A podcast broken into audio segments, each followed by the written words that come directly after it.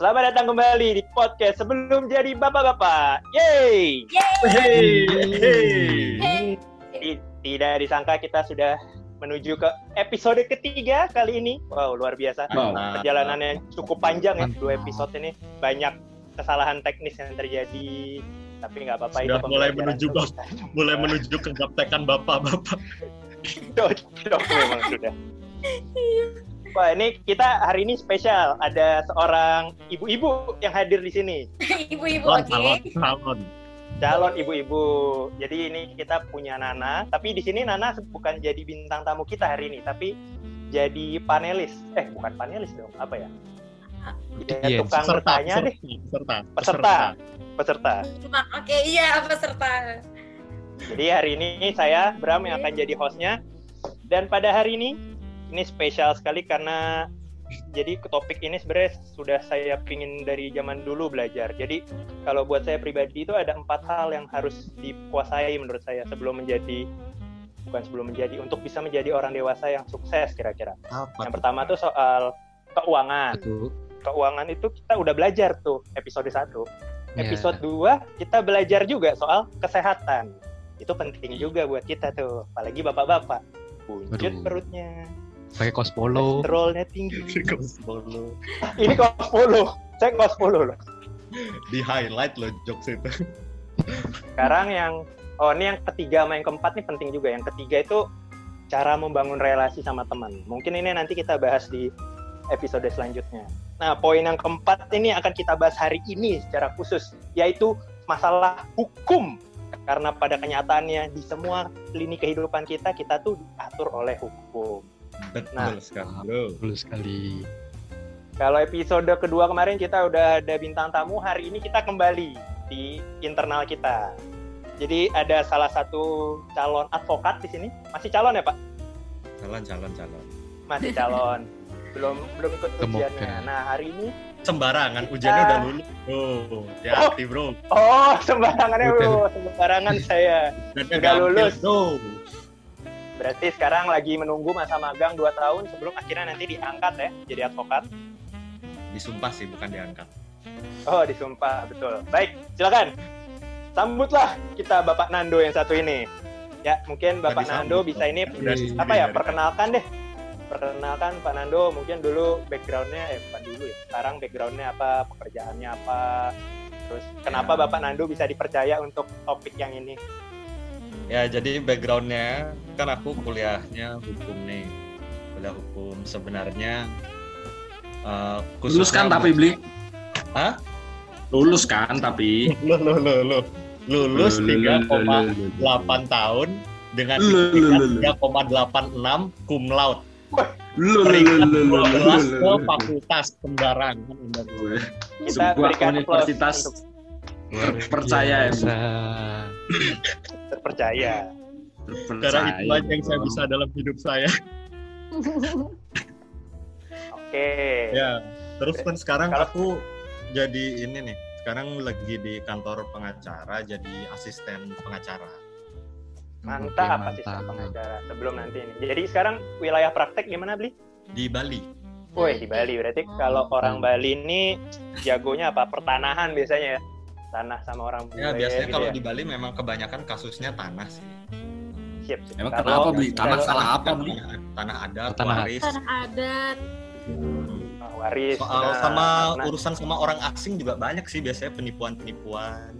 Banyak sih untuk hari ini kita spesial ya karena kita kan semua menja- sebelum menjadi bapak-bapak ini dan sebelum menjadi ibu-ibu jadi kita belajar sedikit nih soal hukum perkawinan Kenapa sih penting ya? Karena kita kebanyakan dari kita kalau kita hidup normal di Indonesia, lulus kuliah, kerja, kemudian menikah. Nikah. Tapi ternyata Oke. menikah tidak Kawin lagi. menikah tidak semudah itu. Eh tapi nggak apa-apa Nana kalau kalau di bahasa hukum itu sebenarnya nggak ada pernikahan, adanya perkawinan kalau di bahasa Perkawinan. hukum. Oh iya. Hmm. Cuman kan kita konotasinya kawin itu agak Hmm. negatif. Jadi mungkin hari ini kita coba nih beli Nando. Mungkin kita bisa mulai dengan apa ya? Dengan menjelaskan dikit nih beli Nando kalau hukum perkawinan itu kan hukum perkawinan tuh luas ya. Mungkin kita Hmm. bisa mulai dengan apa? Kalau kita mau nikah tuh sebenarnya kayak gimana sih step-stepnya gitu secara hukum kira-kiranya aja. Oke, boleh, boleh, boleh. Jadi eh, gini ya, eh, kita bahas definisi gini, kita bahas undang-undangnya dulu biar tahu ya. Kalau hukum perkawinan itu kan eh, semua aturan hukum itu ada undang-undangnya ya. Kalau di hukum perkawinan ini, undang-undangnya diatur di Undang-Undang Nomor 1 Tahun 1974 tentang perkawinan. Ah, di situ ada yang pertama kita harus tahu nih definisi perkawinan itu apa. Definisi perkawinan, ini sambil aku bacain ya definisi perkawinan ada di pasal satunya.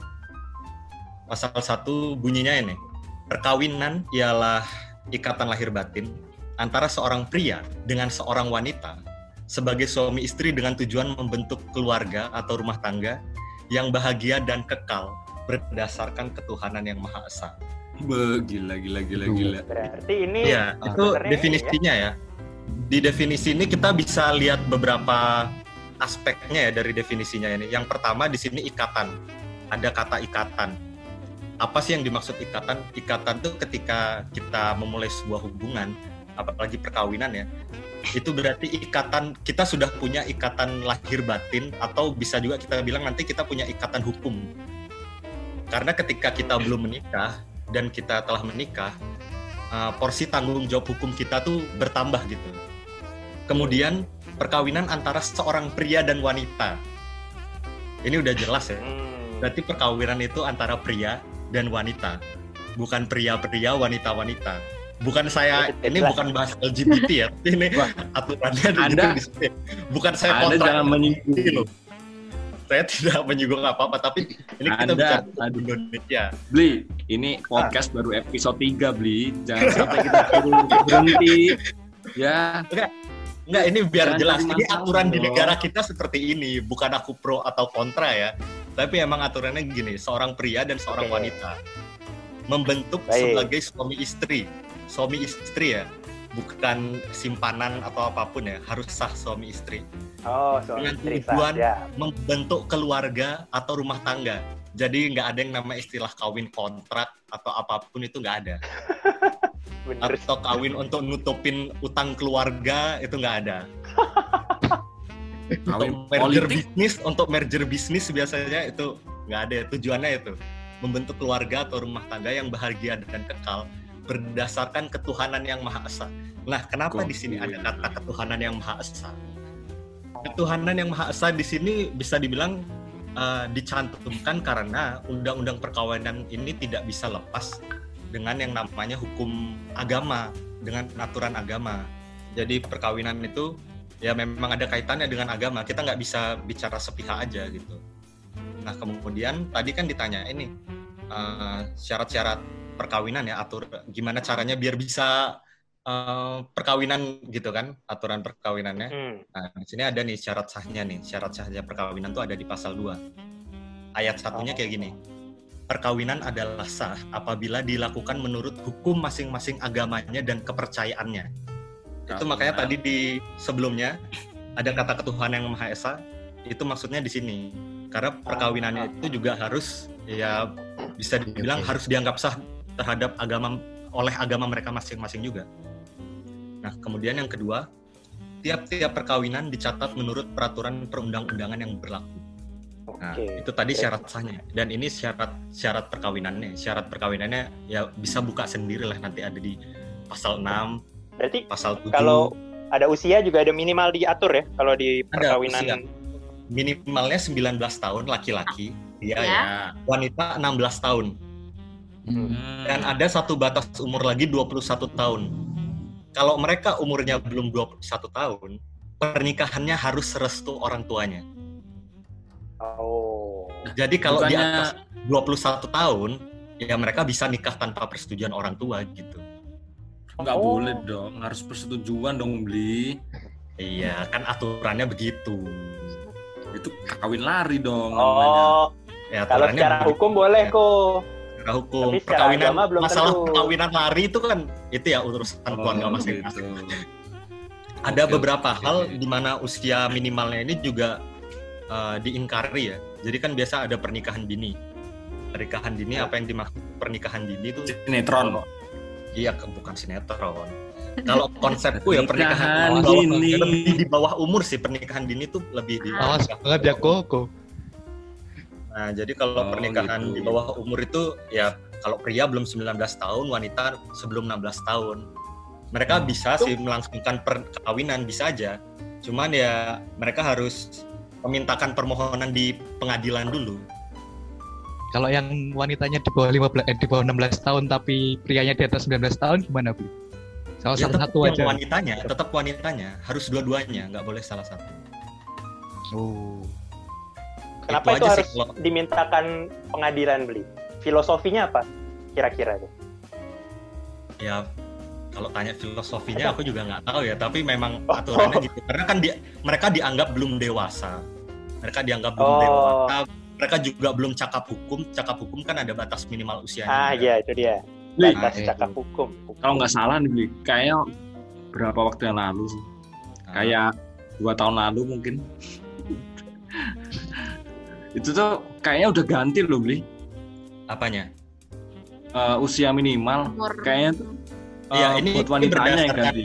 ini ya aku ini berdasarkan undang-undang perkawinan ya kalau nanti ada peraturan yang lebih khusus aku belum ngecek nanti kalau kalian mau ngecek bisa dan kalau ada peraturan yang lebih khusus yang berlaku yang lebih khusus lex spesialis derogat lagi general ya. Oh, itu. Pak Riko, tahu Pak asas hukum yang tadi? Hmm. Saya Jadi kalau misalnya dulu nanti ada Jadi kalau ada peraturan yang spesial misalnya di bawah peraturan kan undang-undang nih kan istilahnya general, di bawah undang-undang tuh ada peraturan pelaksana, ada peraturan dari menteri masing-masing. Nah, itu bisa bisa apa ya? mengalah bukan mengalahkan ya dia apa ya mengalahkan Iya. mengalahkan memang diutamakan Ah. ya diutamakan Iya. dibanding yang general Oke, Oh oke. ini ya apa Undang-Undang Nomor 16 Tahun 2019 beli berapa di situ usianya? Menikah laki-laki dan perempuan perempuan yang akan menikah minimal di usia 19 tahun. Kan sebelumnya batas usia untuk perempuan tuh 16 kalau sekarang kayak Oh. disamain gitu. 19 juga ya? Oke. Mm-mm. revisi undang-undang. Amandemen berarti ya amandemen undang-undang Mm, biar. perubahan. oke. Oke nih. Oke, gimana? Lanjut Nah, kan. nah, ada mau ini nggak? Ada mau nanya nggak ke Beli Nando nih apa? Spesial yang tadi mungkin apa tadi? Nana Ada umur enggak belum lanjut dulu aja nih. Aman ya? Udah cukup ya berarti ya. Kayaknya nih beda agama nih pengen ini. Pengen dengerin beda agama. Beda agama? Beli Nando. Oke. Beda agama Nikah gimana beda tuh agama. kalau menurut hukum? Kalau beda agama eh, gini ya kalau dari aturan hukum di undang-undang perkawinan sebenarnya sih tidak ada larangan. Kalau da- kalau dari undang-undang perkawinan ya nah cuman permasalahannya adalah tadi kalau mau nikah kita nggak bisa lihat dari undang-undangnya aja tapi juga dari aturan agama Hmm. hukum tuh menyerahkan aturan pada aturan agama masing-masing. Kalau agama memperbolehkan nikah agama, eh beda agama boleh aja. Tapi kalau agama nggak boleh, ya nasib aja. Tapi bukan berarti tidak tidak ada solusi ya, bukan solusi sebenarnya banyak juga kasus o- orang yang nikah beda agama itu bisa dibilang istilahnya mereka melakukan penyelundupan dalam hukum perkawinan. Nah, penyelundupannya tuh apa aja? Nah, penyelundupannya tuh biasanya gini, mereka minta penetapan di pengadilan lagi. Mereka menikah beda agama. Alasannya apa? Mereka ngajuin permohonan. Nah, terus ada juga perkawinannya dilakuin menurut agama mereka masing-masing. Jadi nikahnya secara Islam, ada yang nikah secara Katolik juga. Jadi mungkin dua kali kayak gitu. Nah, dua kali ya. Nah, Oke. Ya, Hmm, ada juga yang jadi salah satunya eh, pindah ke agama pasangannya dulu. Nah, nah, misalnya biasanya ya, misalnya Katolik sama Islam gitulah misalnya. Nanti yang Islam pindah ke Katolik dulu atau Katolik pindah ke Islam dulu. Nanti mereka menikah menurut Hmm. agama. Kemudian begitu menikah mereka balik lagi ke agama masing-masing. Oh, Terus jadi kemudian yang kayak- terakhir ini yang biasanya banyak dilakukan orang kaya ya. Iya benar-benar. Sobat Miss Queen can relate, Oh, cannot relate. Menikah di luar negeri. iya. Kenapa nikah yang di luar paling- negeri bisa? Karena asasnya tuh lex loci celebrationis. Jadi Wow, hukum apa tuh? itu hukum perkawinan itu mengikuti aturan di mana negara perkawinan itu berlangsung. Oh, oke oke. Ya, jadi kalau kalian nikahnya di mana ya yang bisa beda agama ya? Di Australia agama. mungkin ya. Di Australia ya kalian nikah di sana sah. Nanti kalian tinggal ke sini. Kalau kalian ke pindah ke Indonesia terus misalnya jadi WNA gitu ya. Eh jadi WNI atau gimana kalian tinggal catetin aja kembali di apa capil di catatan sipil itu sah pernikahannya. Oh, oke oke. Ya. Cuman kalau nikah beda agama nanti juga ada resikonya. Yang pertama tuh ada keabsahan perkawinannya. Oke. Nah, perkawinannya gimana enggak? keabsahan? Itu nanti kan yang tadi ya, kayak aku bilang, misal mereka nikah di luar negeri ya, terus mereka balik ke Indonesia lagi, dicatatkan. Yaitu tergantung petugas pencatatannya ya, mereka mau catatin apa enggak, nanti dianggap sah apa enggak. Kayak gitu. Tergantung misal gini, petugasnya beli. Bukan tergantung petugasnya. Jadi gini, Gimana, kan gimana? selain eh, jadi kalau orang aturan perka, kalau menikah itu ya ada dua pengadilan yang berkuasa ya. Satu pengadilan negeri yang satu pengadilan agama. Kalau pengadilan agama itu khusus untuk yang beragama Islam. Ya nanti tergantung alasan mereka menikah beda agama dan di luar negeri itu nanti pertimbangan dari petugas KUA itu kantor urusan agama itu sah apa enggak nih perkawinan seperti ini gitu loh. Tergantung pertimbangannya nanti. Itu kalau dari keabsahan. Pencatatannya pun sama. Dan nanti status anaknya juga. Nah kan kalau di Indonesia kan orang harus em, memegang suatu agama ya. Nah status anaknya nih nanti dia mau gimana agamanya. Nah karena agama itu juga nanti menyangkut dengan urusan-urusan keperdataan lainnya. Karena untuk misalnya waris ya. Karena untuk Islam beda untuk selain Islam beda gitu. Hmm. Oh. Gitu. sebenarnya lebih ke masalah administratif sih Di resikonya kurang satu beli. apa Apalagi tuh. Omongan tetangga. Iya. War. Ya, belum yang julid-julid. itu itu itu resiko paling ultimate itu udah raja terakhir raja terakhir Sangat netizen. Indonesia sekali. Oh iya, social judgment. Oke oke. Itu, itu paling bahaya itu. Berarti ribet ya. Berarti kalau bisa dibilang nih sebenarnya kalau nikah beda agama itu sebenarnya berdasarkan hukum ya bisa bisa aja tapi yang agak ribet nanti di urusan agamanya sama di benar bagian pencatatan sipilnya ya. iya benar Karena biasa orang catatan sipil tuh seri apa biasanya nggak mau kalau misalnya ah, ini nikahnya beda agama kadang ada entah kenapa gitu ya harus harus ada pertimbangan pertimbangan tertentunya Hmm. kecuali nanti kalau dia mau minta penetapan pengadilan mungkin nanti kalau berdasarkan penetapan pengadilan dianggap sah ya bisa aja dicatatkan cuman Hmm. lebih ribet aja sih makanya kenapa tidak dianjurkan untuk menikah beda agama tidak dianjurkan ya aku bukan bilang tidak boleh Iya. Ntar Yang penting kan Cinta kan Iya. universal hmm, cuma butuh effort yang lebih lebih Iya, lebih gede lah. Tapi kan kalau selama Ya. pasangannya it's okay lah, Iya. ya nggak masalah kan. Masa demi cinta lo. Ya kalau cinta gimana? Mau cinta gimana? meninggalkan yang selama ini telah dipercaya Wah. Aduh, Anjay. Luar biasa nih. Oke, Bli. Coba Ah, Linan lu ada hal lain lagi nggak yang kira-kira kalau orang mau nikah itu harus dipertimbangkan? Maksudnya kalau ini kan tadi kita bahas soal beda agama, selain kalau misalnya yang normal-normal aja gitu, yang kira-kira penting lagi apa ya? kalau selain beda agama ya nggak nggak ada yang perlu dipusingin lagi sih kalau soal anak ya eh kalau soal anak kalau soal pasangan paling eh, ini sih ma- nanti masuknya bakal ke perjanjian perkawinan itu sebenarnya penting sih Oh, itu. Berarti sekarang sudah waktunya kita masuk ke topik kedua. iya Itu kita masuk ke Mas. perjanjian perkawinan. Ih, Iya. Masuk sekali. Pak Eko. Ini sering sekali nih dibahas sama akun-akun keuangan pribadi yang ada di luar sana ya. Karena eh, jujur aja ya bisa dibilang ya ini survei ala-alaku aja nggak ada angka pastinya sih menurutku ya. 70% permasalahan dalam perkawinan itu harta loh. Iya. Setuju? Setuju. Serius. Permasalahan terbesar itu harta. Iya benar-benar. Utang. Utang, ya segala sesuatu yang berhubungan dengan duniawi Uang. lah. Uang-uang, Warisan. iya warisan itu memang yang ya paling besar sih kemungkinan terjadi masalahnya. Itu dia kenapa penting adanya perjanjian perkawinan. Oh, jadi ini ini ini ya kita nyebutnya perjanjian perkawinan ya Perjanjian perkawinan kalau bahasa hukumnya bahasa ya, hukumnya.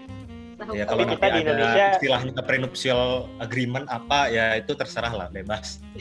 Oke, jadi ini kita harus samakan nih kalau misalnya kita ngomongin ada orang ngomongin perjanjian pranikah ini sebenarnya kita ngomongin perjanjian, Perjanjian perkawinan yang dibuat sebelum kawinan. menikah, Iya. sebelum Nah, kawin sah gitu ya. Oke. Ya.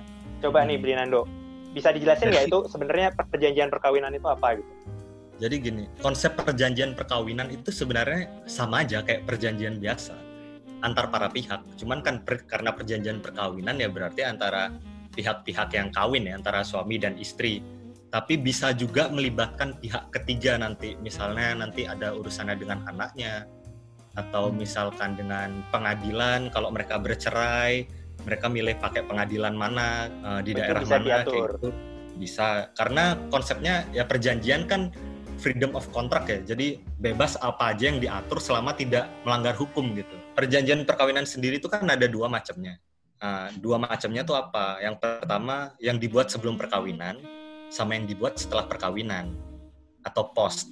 It- itu aja sih sebenarnya perbedaannya. Nggak nggak ada perbedaan lainnya, cuman perbedaan di waktu. Nah, penting kalau apa nggak enggak perjanjian?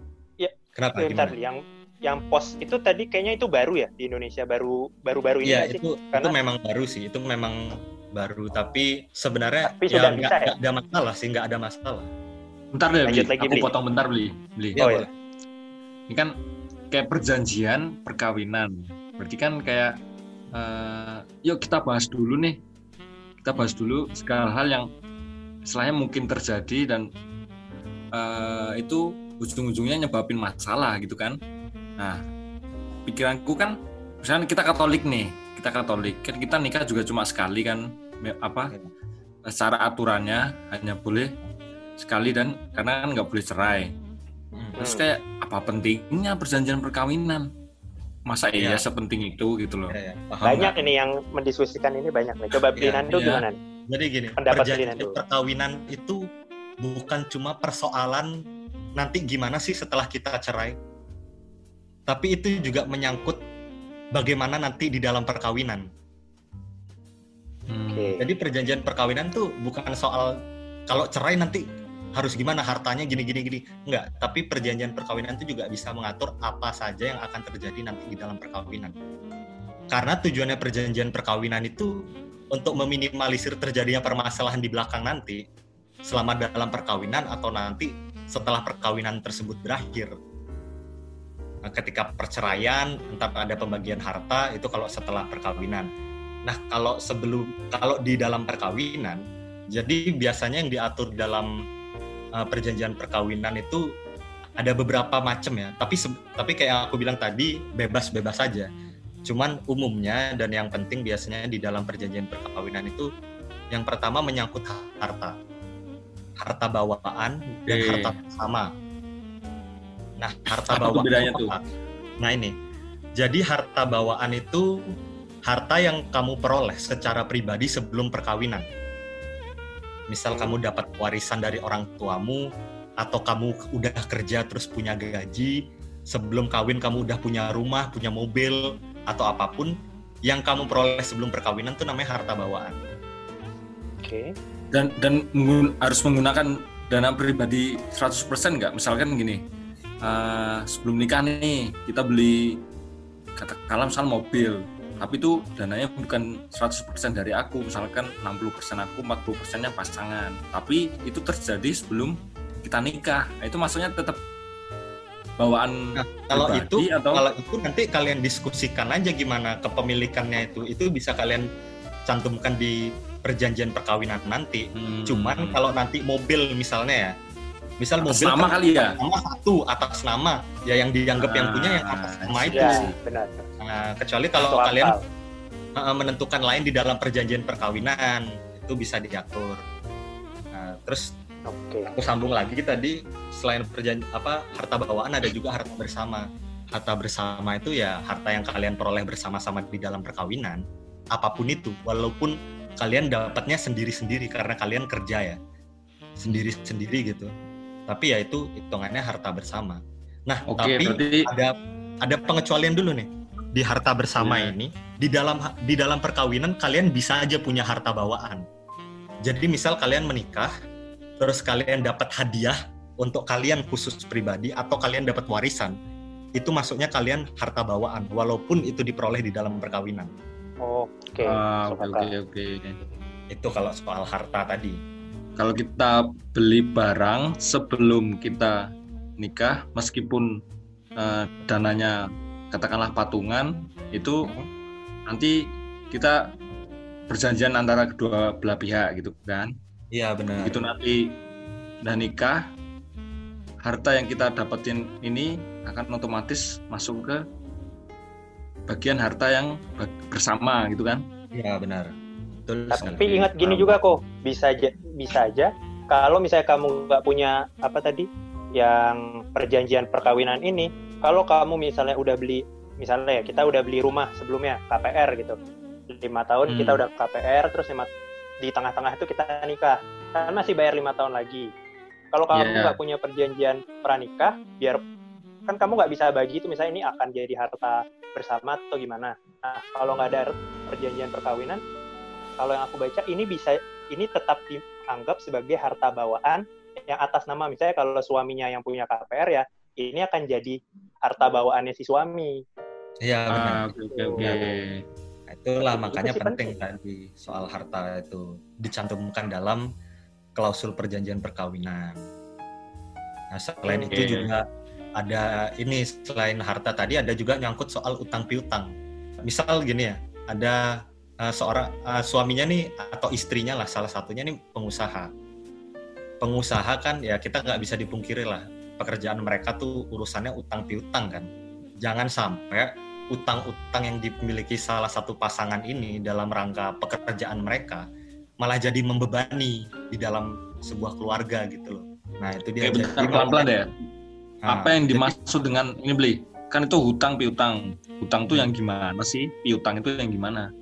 Hutang itu ya kita punya utang sama orang itu hutang ya. Oh, Kita kita, minjem Kita uang minjem orang, uang, hutang. kita minjem Ya. duit.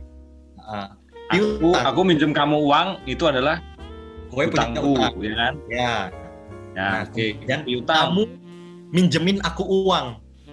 Nah, itu kamu punya piutang. Oke. Bahasa akuntansi banget. Oke oke. Terus Wih, piutang. Nana, anak akuntansi siap. Lanjut. Hutang piutang itu, dan kepentingannya tadi itu jangan sampai nanti dalam pekerjaan karena utang piutang nggak bisa bayar nanti rumah sebagai aset bersama disita. Padahal itu kan nggak ada urusannya sama pekerjaan gitu. Makanya perlu misalnya ditulis nanti dalam klausulnya gini bahwa di dalam perkawinan segala sesuatu segala bentuk hutang dan piutang yang diperbuat oleh salah satu pihak baik suami ataupun istri dalam rangka pekerjaannya tidak akan menyangkut pautkan terhadap harta bersama aset harta bersama dipisah hartanya itu Hmm, bisa Coba eh, tadi kan Bram kan bilang kalau misalkan ka- kayak KPR rumah gitu kan. KPR itu kan kita nyicil kan berarti kan masuknya ke hutang ya. ya Oke, berarti kalau misalkan salah satu dari kita udah mulai nyicil, berarti itu termasuknya hutang kan? iya hutang hmm, Oke. Berarti kayak nyicil KPR rumah, mobil, kendaraan gitu ya? iya Ini benar. kita kita kasih ilustrasi aja mungkin ya, ya beli Nando ya. Iya, Kita biar- coba contoh. Biar, biar kayak, Kita contoh biar Nana. Kita contoh Nana nih. Nana misalnya Ya, dia punya suami, suaminya pengusaha. Nananya Oke. misalnya bukan pengusaha, misalnya pegawai biasa gitu. Nah, terus dia tidak apa Nana sama suaminya tidak punya perjanjian perkawinan. Misalnya suatu hari Nana in, eh suaminya ini ternyata usahanya dia nih usaha perseorangan. Jadi kan kalau usaha perseorangan hak dan kewajiban itu melekat ke individu Iya. yang punya ya. Ya. Ternyata ada utang nih, misalnya nggak bisa bayar usahanya. Hmm. Kalau misalnya dia nggak punya perjanjian perkawinan, efeknya gimana, Bli? ya efeknya aset bersama dianggap sebagai jaminannya bisa diambil sebagai pembayaran, bisa dieksekusi untuk nutupin utang. Kalau dia Tuh. punya perjanjian di apa perkawinan bahwa dipisah gitu, berarti cuma Ya, harta, suaminya aja. Iya, harta suaminya aja. Oh. Nah, oke. Oh, pentingnya di gitu. situ. Berarti ini apa namanya?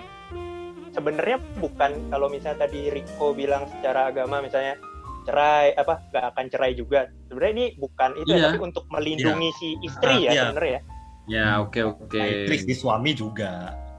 Suami Ya, juga kita biar mulai. maksudnya masih ada. Juga. Oh iya. iya. Iya. Ya, kita udah mulai Misalnya- nih, kan? Misalnya Ya, dapat istrinya suka berhutang apa gimana gitu.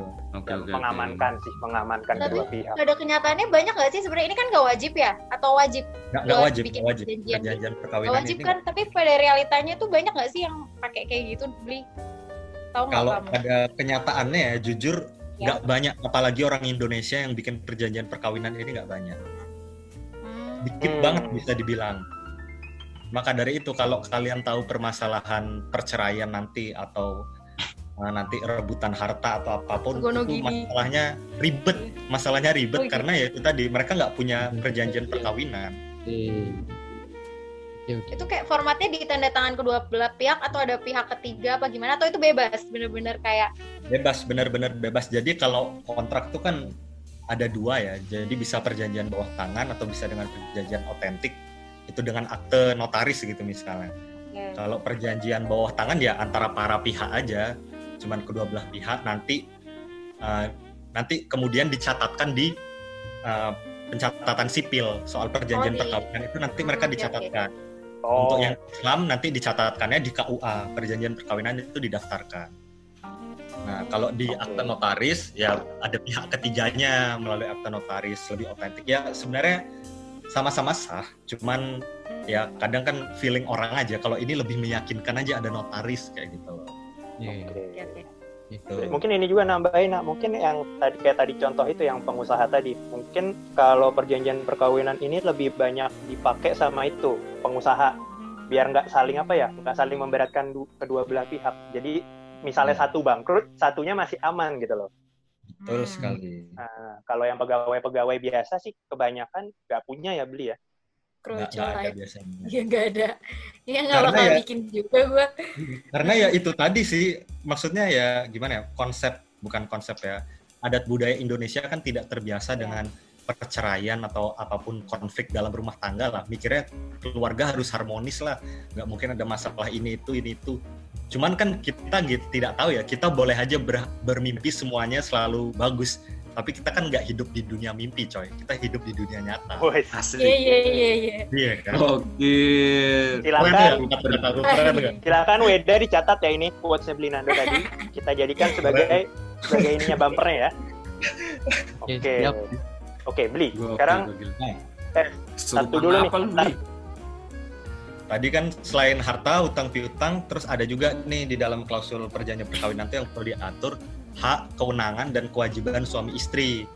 Nah itu juga perlu diatur. Nah suami istri itu hak suami dan istri itu haknya apa aja, kewenangannya apa aja, wajib apa aja. Kalau misalnya bikin perjanjian perkawinan, eh, yang kerja harus suami aja dan semua harta suami dipegang oleh istri, ya itu boleh sah-sah aja Oh, itu harta sah. suami harta suami harus dipakai untuk kehidupan bersama sehari-hari dalam rumah tangga sedangkan harta yang diperoleh istri cuman boleh istri aja yang make ya itu boleh, Ya, boleh aja oke oke. Selama kedua belah pihak setuju ya, beli ya?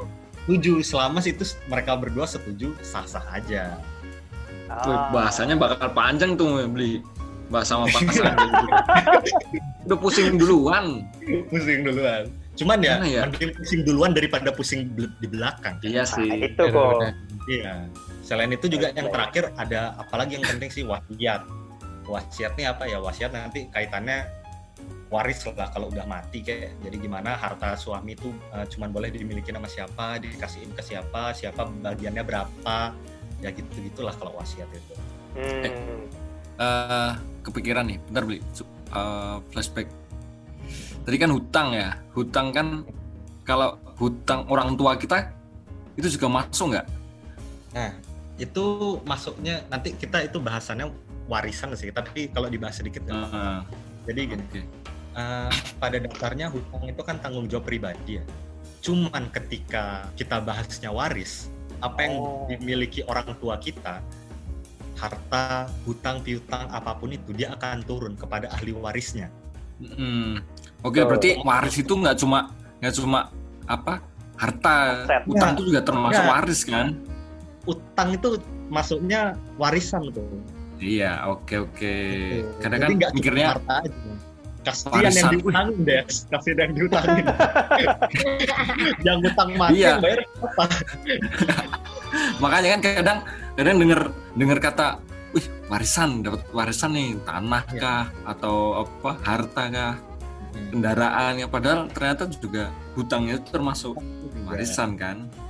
Jadi Iya. nanti Iya, kalau mas waris yang kalian peroleh itu ada tiga pilihan yang kalian punya ketika sudah jatuh dalam bukan ketika jatuh ketika masuk ke dalam warisan itu kalian punya tiga opsi satu kalian menerima seluruh warisan termasuk harta baik hutang maupun piutang itu kalian Hmm. terima semuanya 100% itu opsi Ya, pertama. Oke. opsi kedua kalian bisa menerima warisan sejumlah dengan hutangnya jadi warisan yang kalian dapat kalian cuma mau terima warisan itu untuk bayar utang-utangnya jadi kalian dapatnya nol sih sebenarnya jatuhnya kalau itu Ya ya ya ya. Hmm. cuman ya biar Oke. utangnya kebayar aja nggak ada beban moral atau apa pun Hmm, yang Oke. ketiga kalian berhak menolak warisan tapi kalau kalian menolak hutang ya kalian maksudnya boleh menolak hutang tapi kalian kalau menolak hutang juga otomatis harus menolak hartanya Hmm. Ah, jadi kalian nggak bisa milih cuma ngambil hartanya aja tapi utangnya nggak nggak boleh iya berarti kan sekarang kalau ditanya, "Mas, nak, kamu akan dapat warisan." Tanya dulu dong ya, warisan apa nih gitu kan? ya warisannya apa utangnya berapa Warisannya apa nih? Karena kan Warisan kadang mikirnya warisan, wih dapat ya asing, dapat tanah nih, dapat mobil, dapat Ternyata utang rumah, tewa. kata utang tewas sudah. Bener-bener. Oke, oke. Masalah paham. orang Indonesia juga ini, Riko. Nah. Bapak sama ibu kita tidak terbuka soal keuangan kepada anak-anaknya. Tahu-tahu anaknya dapat, nah itu loh. Sebenarnya ini Bagus. salah satu poin penting juga nih. Nanti Pak Riko kalau punya anak ya, Pak, jangan lupa Iya. dinasehatin anaknya dikasih tahu update Kalau ke anaknya. kita, bapak punya utang segini kalau dihitung-hitung kalau dihitung-hitung bapak meninggal nanti defisit lah Iya. Siap ya. jangan kaget kamu Ya. pikir sekolahin kamu di luar negeri murah Ini kan yang kamu mau. itu hasil dari tuntutanmu tiap hari minta Iya. iPhone ya ini Ya. ini Lihat kelakuanmu. Parah. Gara-gara kamu. Iya. kalau bapak bilang nggak punya duit ya nggak punya duit kamu pikir bapak bercanda eh Kamu main PS aja. Kamu nggak tahu. Ini besok jadi tanggunganmu.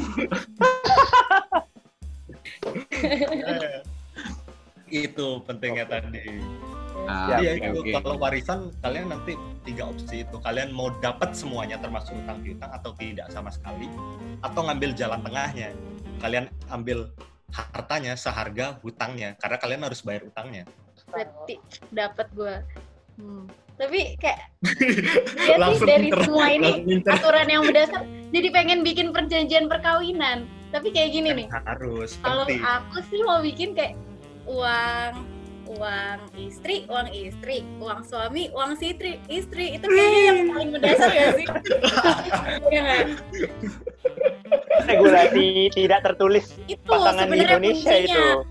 Dasarnya itu perjanjiannya. Itu nggak usah bikin perjanjian aja sih, kayaknya udah itu. aja, itu sah-sah aja. Itu udah udah pasti ya, iya. Nggak perlu Tanpa harus perjanjian lagi. perjanjian udah pasti perjanjian. kayak gitu. Iya, udah tahu lah ya kalian ya. Tolong dicatat ya. apalagi Apalagi biasa laki-laki punya laki-laki tuh punya ego sendiri lah wah masa Ya. istri gajinya lebih gede sih Oh bagus bagus. Kalau udah peka ya. bagus. Udah cocok lu jadi bapak-bapak Dok. Iya. Kalau kalau aku sih nggak peduli ya kalau istri saya gajinya lebih gede bagus. Oh, bagus. Terakhir nih Bli, terakhir nih untuk episode ini.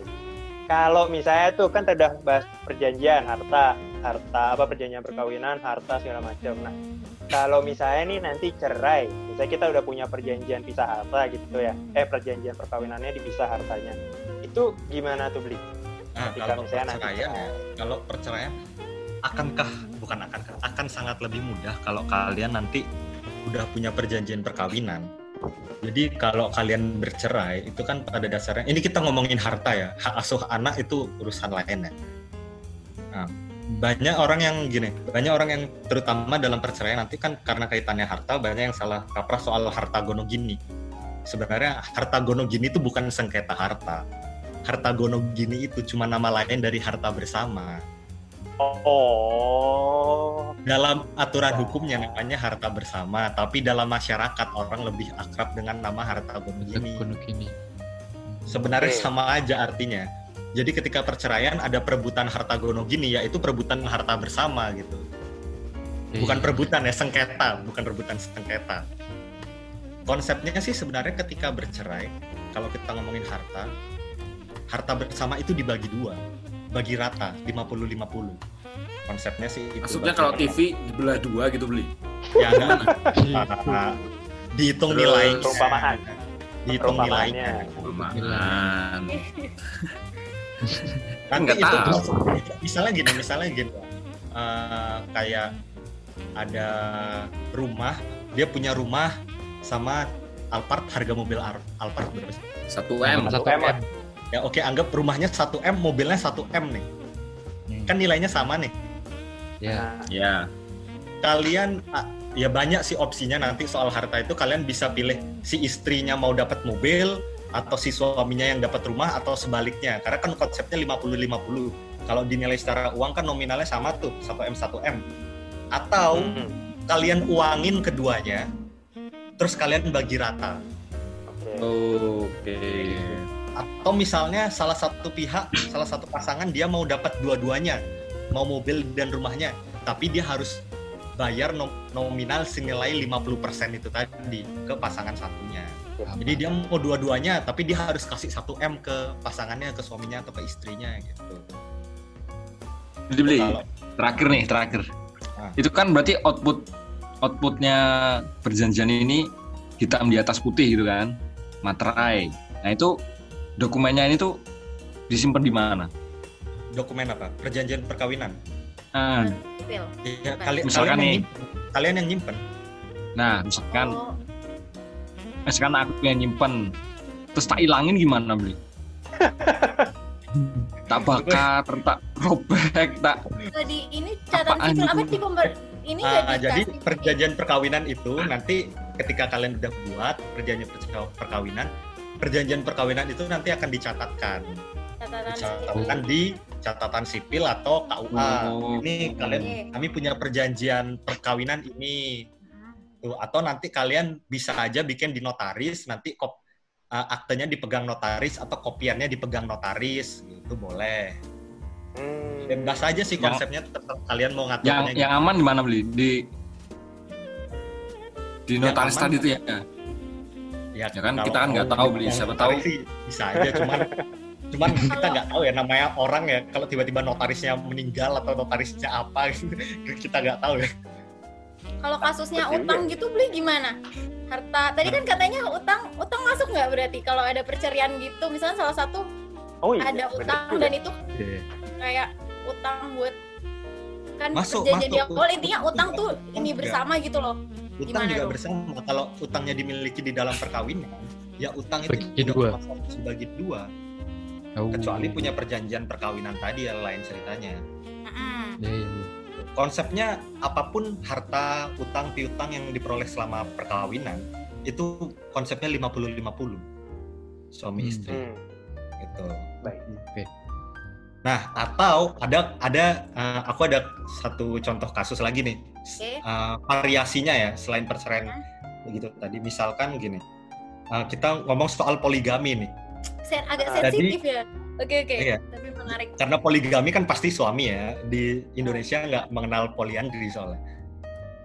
Jadi suami nih, dia nikah sama istri pertama selama lima tahun, kemudian di tahun masuk tahun ke-6 ini dia poligami, punya istri kedua.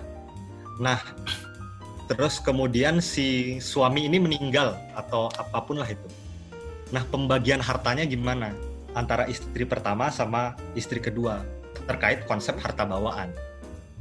Nah, si istri kedua dia tidak akan berhak waris atas harta yang diperoleh selama lima tahun pertama antara istri pertama Oke. dengan suaminya gitu. Jadi dia cuman bisa dapat harta bersama ya di tahun perkawinannya dia. Sedangkan istri pertama dia bisa aja berhak dapetin harta bersama dari perkawinannya lima tahun itu dan selanjutnya setelah punya istri kedua gitu.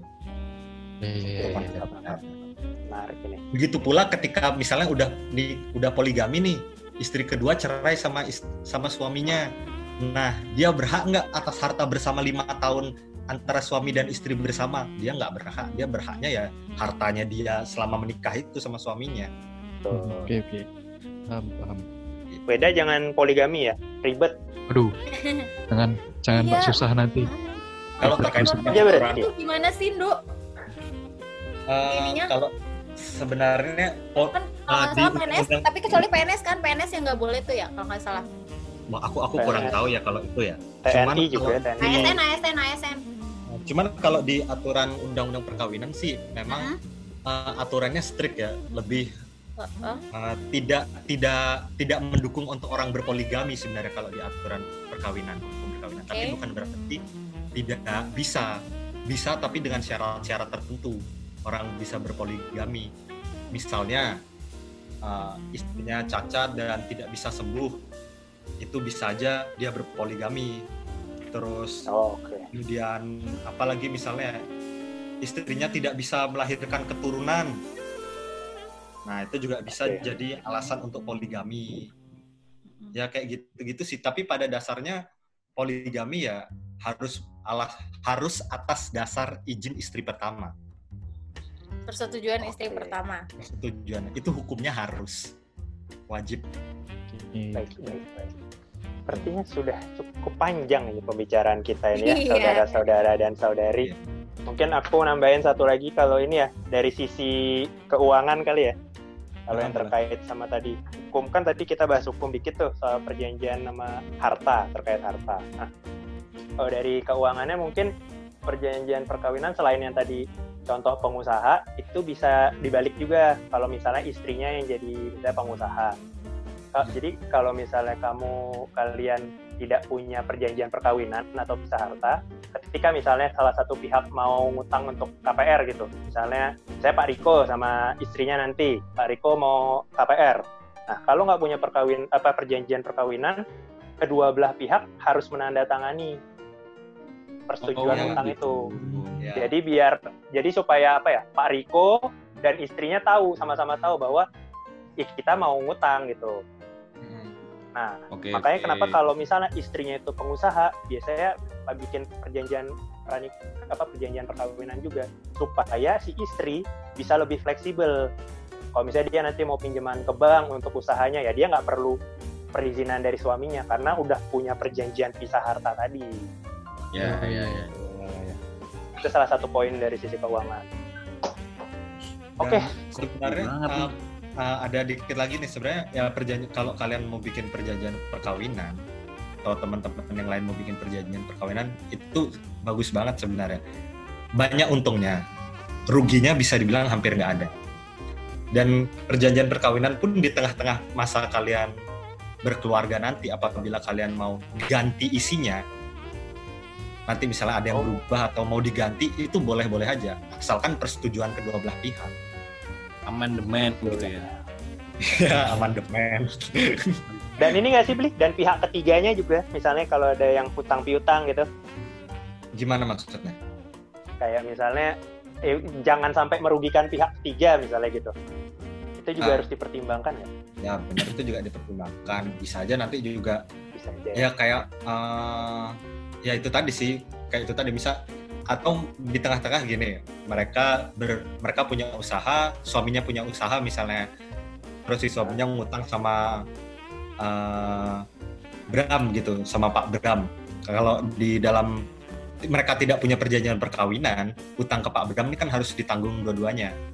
Bisa aja Hmm. nanti kalau mau ditulisin utang di Pak Bram ini yang nanggung si suami atau yang nanggung si istri itu ditambahin di klausul itu ya boleh-boleh aja sah-sah aja Tapi Iya. kalau misalnya gitu, kalau misalnya di tengah-tengah utang, di tengah-tengah pas dia udah punya utang, pihak ketiganya bisa dirugikan nggak sih?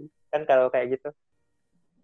ya itu tadi perjanjian uh, pada dasarnya perjanjian itu kan kebebasan berkontrak cuman walaupun Hmm. kebebasan berkontrak bukan berarti sebebas-bebasnya Benar. ada aturan-aturan yang harus di tidak boleh dilanggar ya misal kayak undang-undang perjanjiannya ya nggak nggak boleh melanggar uh, aturan dasar soal perjanjian tuh apa aja itu nggak boleh dan tidak boleh merugikan pihak ketiga juga kalau nanti Iya. di kemudian hari diketahui perjanjiannya itu melanggar ataupun menimbulkan kerugian pada pihak ketiga bisa aja perjanjian perkawinannya itu dianggap batal Oke, sip. Sudah sangat panjang ya ini pembicaraan kita sama satu Iya. jam ini. bermanfaat tapi bermanfaat kan Oh bermanfaat, jelas. Gimana? Silakan Mbak Nana. Eh Mbak Nana udah kayak ini. Najwa. Siap. Najwa Shihab. Ya gimana? Nana, silakan diberikan feedback. ini. feedbacknya Pendapatnya ya, gimana? sih udah ngasih info yang bermanfaat jadi tahu gimana persiapan buat pernikahan tapi dari segi hukumnya gitu. Oke, luar biasa sekali nih sharing dari Nando pada episode ketiga ini. Kita sudah belajar banyak ya, cukup banyak terkait ya perkawinan. Boleh Ya. kalau mungkin saya boleh kasih sam- apa ya ringkasan sedikit bahwa sebenarnya di Indonesia itu oh, ya perkawinan sudah jelas diatur oleh undang-undang dan bahwa perkawinan di Indonesia tidak pernah bisa dilepaskan dari hukum agama juga. Jadi ya itu kedua hal ini saling berkaitan lah. Terus kalau misalnya kita ngomongin perjanjian perkawinan itu ada dua, bisa dibuat sebelum pernikahan prenuptial atau setelah perkawinan. Selama perkawinan itu berlangsung atau postnuptial. Yang isinya biasanya mengatur soal har- harta, terus kita bagi soal hak dan kewenangan. Hak dan kewenangan, terus kita ngomongin hutang piutang dan terakhir juga biasanya ngomongin soal wasiat. Jadi prinsipnya itu yang penting perjanjian perkawinan tidak melanggar undang-undang dan juga norma yang berlaku di secara umum mungkin gitu ya. super sekali sahabatku Super sekali, sudah lama saya tidak dengar itu. Baiklah kalau gitu. Mungkin episode 3 kita cukupkan sampai di sini. Setelah Oke. ini nanti mungkin kita akan ada edisi berikutnya ya soal bahas hukum tapi bahas Ya. hukum yang lain lah jangan Makanya lagi. jangan lupa follow dulu. Instagram sebelum jadi bapak-bapak Belum jadi dan bapak. juga Belum. follow di Spotify-nya dong sebelum jadi bapak-bapak. Yo itu jangan lupa ya teman-teman semua kalau misalnya kalian merasa ini bermanfaat silahkan Iya. dibantu juga untuk di share ke teman-temannya siapa tahu teman-temannya ada yang mau nikah nih jadi Oh. suruh dengerin aja nih bro bro dengerin oh iya biar dia ada persiapan lah untuk perkawinannya dia Dan kita juga Oke. tidak menutup kemungkinan untuk sponsor ya, tolong dong biar ada duit. Jangan lupa baik thank you untuk semua yang udah dengerin episode 3 bye bye see you di episode 4 Bye. Ya. Thank you guys.